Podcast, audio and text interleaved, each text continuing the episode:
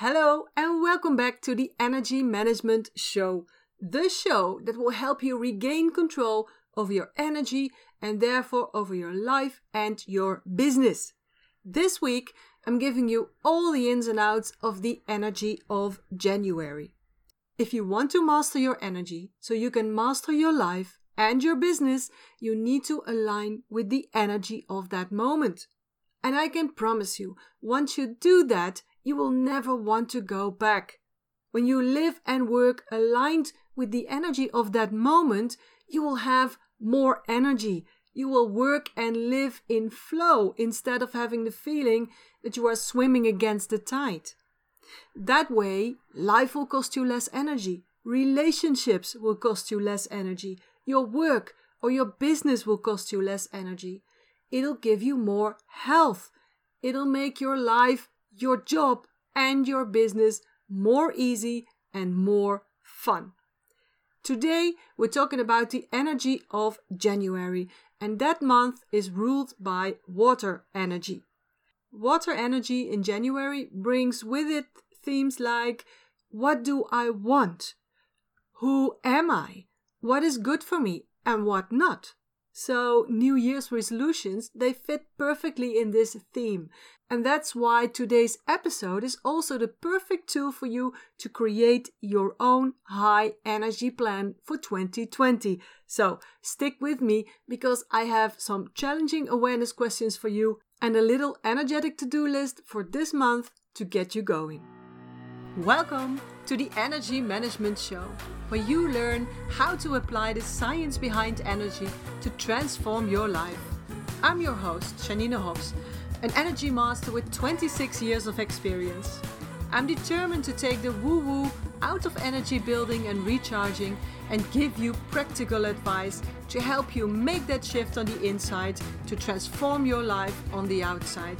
Because you deserve it. So join me on this energy journey and transform your life now. Okay, here we go. The energy of January.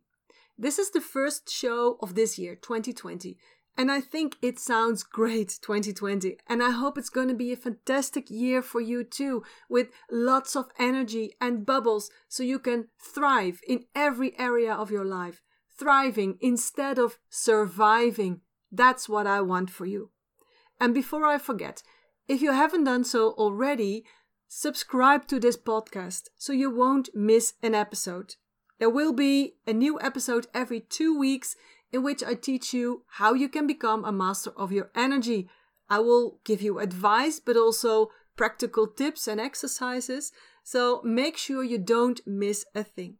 Oh, and sometimes I have bonus episodes for you in which I have special guests that will inspire us with their story and with their energy tips. So subscribe to this channel and let me be your mentor and let's make 2020 your best year ever.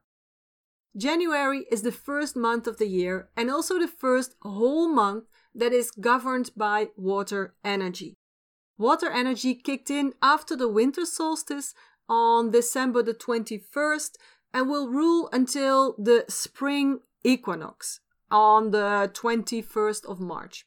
Water energy is the most yin element of them all. So that means calmness, rest, retreating, withdrawing, and also contemplating. So it's not strange at all that we feel the urge to do New Year's resolutions. But before we go into that, let's take a look at what happens in nature. The days are very short, so that is super yin, but as in everything, nothing is ever a full 100% of something, so it's not 100% yin now either. There's already a little sparkle of yang there too we are already over that tipping point of darkness, and slowly but surely the days are getting longer again. Nature is almost in a state of silence, calmness, and rest. Most trees are leafless, it's cold, and all the energy is withdrawn in the roots and in the seeds to recharge, so it can be used again later in the period of growth. And of course, this movement is there in our bodies too, in our systems and in our energy, because we are a part of nature. So it's time for us too to withdraw, to be in silence, to think and to feel who am I? What do I want? And what is good for me? What are my dreams that I want to recharge now so that I can grow and flourish later on? And you probably feel this urge too, especially at the beginning of this new year. And it's important for us all to align with the energy of the moment. But it's especially important when water energy is your dominant energy. And you can test this on my site. And as always, I'll put all the links I mention in this episode in the show notes of this episode at And you will find the free test at janinehofs.com slash free test. So it's extra important for you if water energy is your dominant energy or when you have water energy related health problems. In episode 2, I already talked about the five energies and their role in your body. So go to the show notes for this link if you want to listen to this episode again. If your water energy is out of balance, you can experience problems like fatigue, severe tiredness, maybe even burnout, ear issues, and it also can take a long time to recover.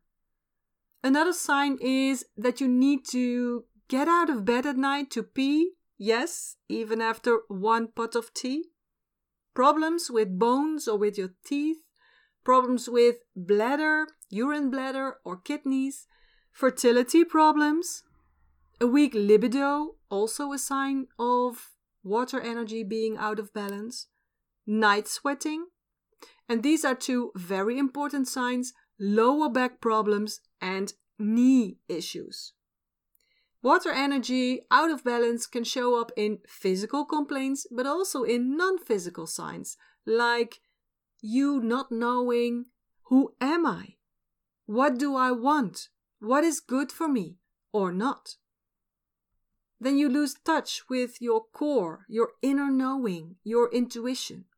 You have little willpower. You might have no goals, no dreams, little perseverance. You might give up on things quickly.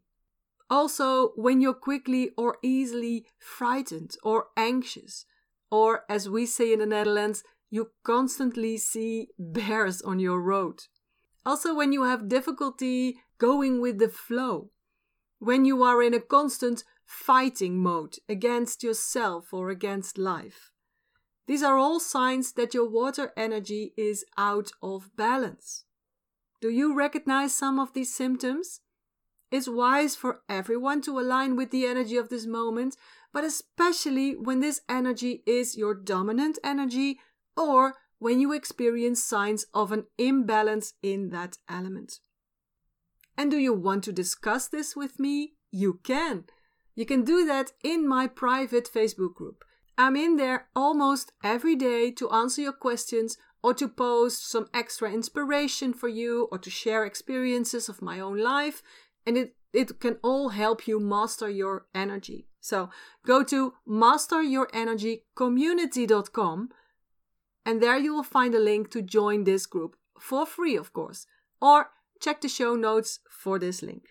Okay, back to water energy. You can see the movements of water in nature and you can feel it in your system, but what other characteristics has this energy? Well, for example, the color pertaining to water is blue or black. The associated flavor is salty. Water is connected to the organs kidney and urine bladder. Water is said to open in the ears. That's why ear problems are a sign for me that your water energy is out of balance. The energy movement of water is directed towards the core, and the emotion connected to water is fear. Now, what does this all mean for you? How can you align yourself with this January water vibe? to help you with that, I have some awareness questions for you. Questions that will give you insights and will help you to take the right action. Actions that are in tune with the January water energy. So, grab a pen and paper, stop multitasking, and do this fully focused because this way you will get the most out of this episode. Okay, are you ready? Here is the first question, or better yet, the first set of questions. Take a moment to look back on 2019 and think about what has cost you energy in that year. And pay attention to the first things that come to mind. So, what has cost you energy in this past year? Write that down for yourself. And if you need a little more time, pause this episode because this is important stuff. So, what has cost you energy? Now, pick one thing out of that list, one thing we can work with uh, in this exercise.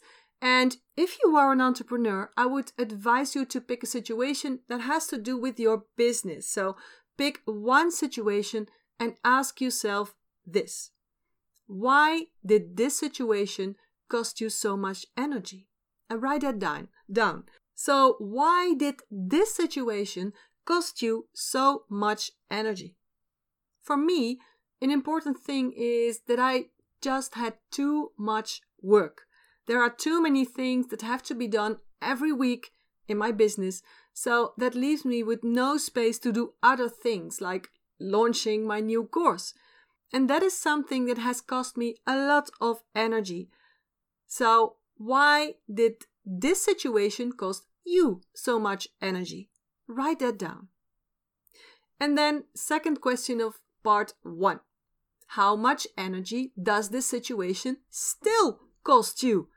Because the situation is still present, or because you keep thinking about it, or for some other reasons, and write that down. Write it down for yourself. How much energy does this situation still cost you? And for me, what I just told you is still costing me energy because I'm in the middle of a launch right now, so I need to fix it. But how is that for you? How much energy does this situation still cost you? Write that down. Next question. What lesson did you learn from this particular situation? And I know, I know this can be a difficult question because sometimes it's very hard to see a lesson in a painful or energy costing situation, but try to find an answer. Or maybe put it like this What lesson could you learn from this? Write that down. What lesson did you learn or could you learn from this particular situation? And for me, the lesson is I'm a water energy person, an entrepreneur, so I'm a bit slow in things. I'm thoroughly but slow. And I admit I have a tendency to do everything myself. I want too much, I want to do too much, I overestimate what I can do and I underestimate the time I have for that. And maybe if you are an entrepreneur, you recognize that too. And it is very important that you are aware of these energy leaks so you can do something about it. Because the success of your business starts with your energy, of course. So, what lesson did you learn or could you learn from your energy draining situation? Okay, moving on. What could you do differently today so that this energy leak stops? Write that down. What could you do differently today so that this energy leak stops? And for me, I've been thinking long and hard about this, and I came up with systems and strategies that are going to help me change this because my goal for 2020 is a super successful business in 30 hours a week. How does that sound? So, how is that for you? What could you do differently today so that this energy leak stops? Write that down for yourself. And then the final question for this part is what can you forgive yourself for? In context with this energy draining situation, what can you forgive yourself for? Write that down. So, for example, I forgive myself for wanting to achieve too much. I forgive myself for the fact that I couldn't do everything I wanted or even everything I promised myself. So, what can you forgive yourself for? Write that down. Okay, so that's the first part of my awareness questions that will trigger you to take action aligned with your own energy and aligned with the energy of the moment. Let's quickly move on to the next part. So you thought about what cost you energy in 2019. And now I want you to think about what gave you energy in 2019. So what made you happy? What made you feel love or loved? What made you super grateful? What gave you energy? Take a moment to reflect on that and write down what that is for you. Take your time, pause this episode if you need to, and write down what gave you energy in 2019. Now, pick one thing out of that list and again, if you are an entrepreneur, I would advise you to pick a situation that has to do with your business. So pick one situation and ask yourself the following question What is it exactly that gave you so much energy? And with that, I mean, what feeling was responsible for that? Write that down. What was the feeling that was responsible for that boost of energy you felt? For me, when I did this exercise, it was very clear. I get energy out of live events. For example, the retreats I organize, the live workshops, and so on. They give me great joy. They give me a feeling of grandeur, and that energizes me enormously. So, what was it for you? What was the feeling that was responsible for that boost of energy you felt? Okay, next question. How eager are you to feel that feeling again? And maybe more. On a scale of 1 to 10. So write that down. How eager are you to feel that feeling again? Do you think, well, I don't care? So that would be a 2 or a 3. Or do you think, yes, I love that and I definitely want more of that? I know I want that, so for me, it's a 10. And how about you? How is it for you? How eager are you to feel that feeling again? Write that down. Next question.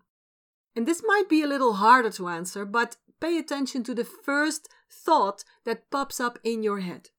What do you need right now to feel that feeling again? Write that down. What do you need right now to feel that feeling again? So for me, it's easy. I need more live interaction with my people. So I want to do more live events and also more networking. So if you have a good idea for me, pop me a message. Hmm. I, I have two more questions for you. Think of this situation again, one that gave you lots of energy, and then ask yourself, what did I do right in this situation? What am I proud of? thankful for. And ladies, I mean with regard to yourself. So write that down. What are you proud of, thankful for? And my last question is how are you going to reward yourself for everything you've done well in 2019? Write that down. And maybe you're not used to this, but it's important to reward yourself for the things you did good. And it doesn't have to be big or it doesn't have to cost money even. You could, for example, treat yourself to an afternoon of doing nothing or niksen, as we call it in the Netherlands. So, how are you going to reward yourself for everything you've done well in 2019? Write that down and go do this in the next few days. Okay, these were my awareness questions. And I guess you have many more situations from 2019 that have cost you energy and also situations that have given you energy. So, if you want, you can repeat these questions for every one of those situations. That will give you a really good overview of what you want and not want in 2020. So you can make it your best year ever. A year in which you live and work on your terms, thriving, not surviving. That's what I want for you, and that is what you deserve. And this last part of the episode will help you with that the energetic to do list for January. Because goals without action will always stay dreams. And we don't want that. So, the first thing on that list is this take at least five minutes every day to contemplate, to sit in silence so you can listen to your inner voice, and then ask yourself, what am I gonna do less of in 2020? What are you gonna do less of? What are you gonna let go of? What are you going to outsource or delegate? Who or what are you going to cut out of your life? So take five minutes every day to ask yourself, what am I gonna do less of in 2020? Second thing on your list for this month, and you probably figured this one out by yourself right now, take at least five minutes every day to sit in silence, listen to your inner voice, and then ask yourself, what am I gonna do more of in 2020. So, what are you gonna do more of? What are you gonna embrace?